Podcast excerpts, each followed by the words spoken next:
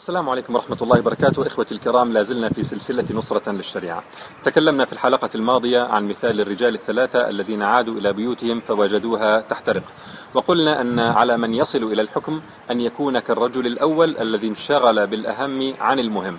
وكذلك سيجد العاملون للإسلام أنفسهم لا محالة منشغلين بواجبات عن واجبات لكن لا تثريب عليهم. قال تعالى ما على المحسنين من سبيل؟ وقال تعالى وما جعل عليكم في الدين من حرج وقال تعالى فاتقوا الله ما استطعتم والنبي صلى الله عليه وسلم لما كان يوم الأحزاب قال ملأ الله بيوتهم وقبورهم نارا شغلونا عن الصلاة الوسطى يعني صلاة العصر حتى غابت الشمس فما المطلوب إذن على الإسلاميين أن يعلنوا من اللحظة الأولى أن الحكم لله؟ وأن ما خالف الشريعة من القوانين فهو تحت الأقدام. فالسيادة المطلقة التامة للشريعة منفردة لا تنازعها سيادة أبدا. فإن عجزوا عن فريضة من الفرائض فإن فرضيتها تسقط عنهم ولا تكون واجبة في حقهم إلى حين تحقق القدرة والاستطاعة. لا يكلف الله نفسا إلا وسعها. ما دام القانون إسلاميا والدولة تطبق ما تقدر عليه فالشريعة مطبقة. قد يقول قائل ألا يسمى ذلك تدرجا؟ نقول أبدا. لا علاقة له بالتدرج وسأبين ذلك في حلقة أخرى بإذن الله تعالى. تعالوا بداية إلى تطبيقات عملية مهمة حتى تتضح المسألة. أولا قد وقد هذه لها قصة ستأتي بإذن الله تعالى. قد لا يطالب العاملون للإسلام بإعلان الجهاد لتحرير بلاد المسلمين المحتلة من اليوم الأول من استلامهم للحكم. لكن افترض أن شبابا تسللوا من الدولة الإسلامية إلى فلسطين وجاهدوا المحتل ثم عادوا إلى حمى الدولة الإسلامية. هل ستنفذ الدولة الإسلامية ضدهم قانون مكافحة الإرهاب الذي يقضي في هذه الحالة بتجريمهم وحبسهم؟ طبعا لا. فقانون مكافحة الإرهاب ومعاهدة كامب ديفيد وكل قانون أو معاهدة تمنع من نصرة المسلمين وتذل رقابهم لعدوهم ستكون لاغية بمجرد إعلان تطبيق الشريعة ومن اللحظة الأولى. وسيحل محلها قانون وما لكم لا تقاتلون في سبيل الله والمستضعفين. أن تنفذ الدولة هذا القانون الجديد بحسب الوسع والطاقة شيء وأن تعمل بضده شيء آخر.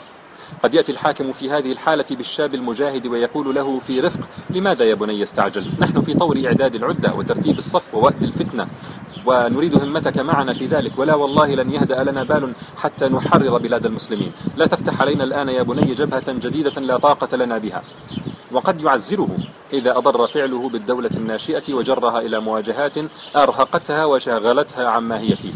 أما أن تنفذ الدولة فيه قانون مكافحة الإسلام المعروف بقانون مكافحة الإرهاب فماذا بقي لها حينئذ من اسم الإسلامية؟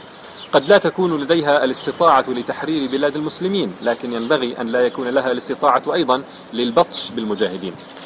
ثانيا إذا استلم العاملون للإسلام الحكم في بلد فيها عدد كبير من دور المجون والخمارات ومحلات الفيديوهات المحرمة وأشرطة الأغاني ومقاهي الإنترنت التي يعمل فيها بالمعاصي والسينماهات والصالونات النسائية التي يعمل بها الرجال ومحلات المساج الماجنة ومحلات بيع التماثيل المحرمة والمكتبات التي فيها كتب إباحية أو كفرية وغيرها.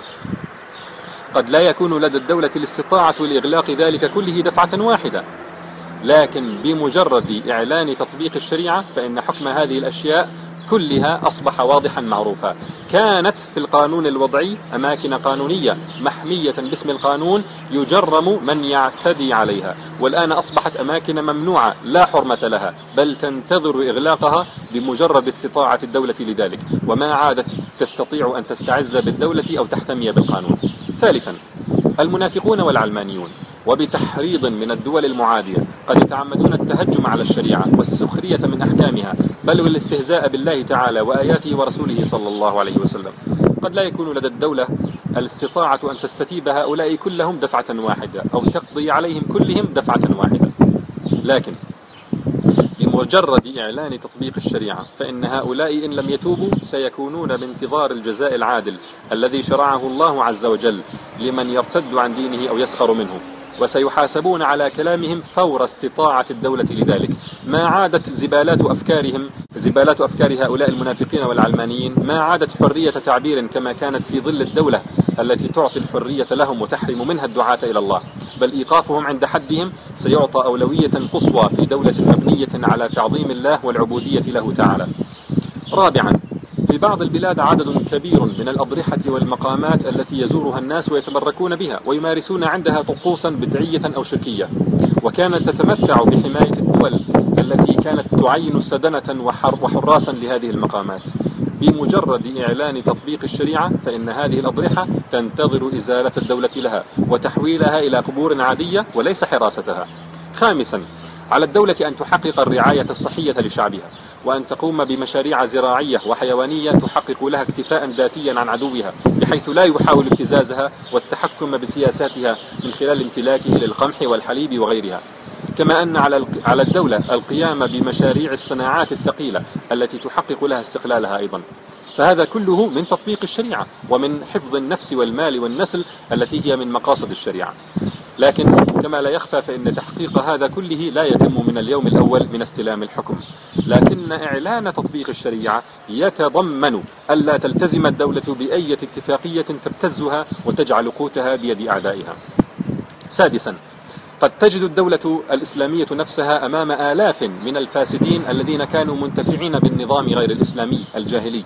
هؤلاء الفاسدون قد انتهبوا خيرات البلاد فتملكوا أراضيها ومشاريعها الحيوية وخصخصت القطاعات العامة لهم وغمروا غمروا الناس في قروض ربوية من خلال بنوك لهؤلاء الفاسدين. قد لا تستطيع الدولة الناشئة رد ما في أيدي هؤلاء من منتهبات إلى عامة الناس دفعة واحدة. لكن لو جاء بنك من, من بنوكهم. يقول فلان اقترض مني مئة ألف قبل سنوات فتراكمت عليه الفوائد وعجز عن السداد فلم يسدد إلا أصل الدين. تعالي يا دولة اطرديه من بيته المرهون لأبيعه وأحصل على فوائدي. هل تعينه الدولة؟ طبعا لا تعينه. ففوائده هذه أصبحت ربا محرما باطلا بإعلان تطبيق الشريعة. وعلى ذلك فقس أمثلة كثيرة جدا. هل نحن في ذلك كله نطالب من يستلم الحكم بأكثر من طاقته ووسعه؟ لا والله. لكن المسألة ببساطة إما إسلام أو لا إسلام إما شريعة وإما قوانين وضعية. هناك دروس كثيرة يمكن استنباطها من هذه الأمثلة. ما هي هذه الدروس؟ هذا ما سنعرفه بالحلقة القادمة بإذن الله فتابعوا معنا. والسلام عليكم ورحمة الله.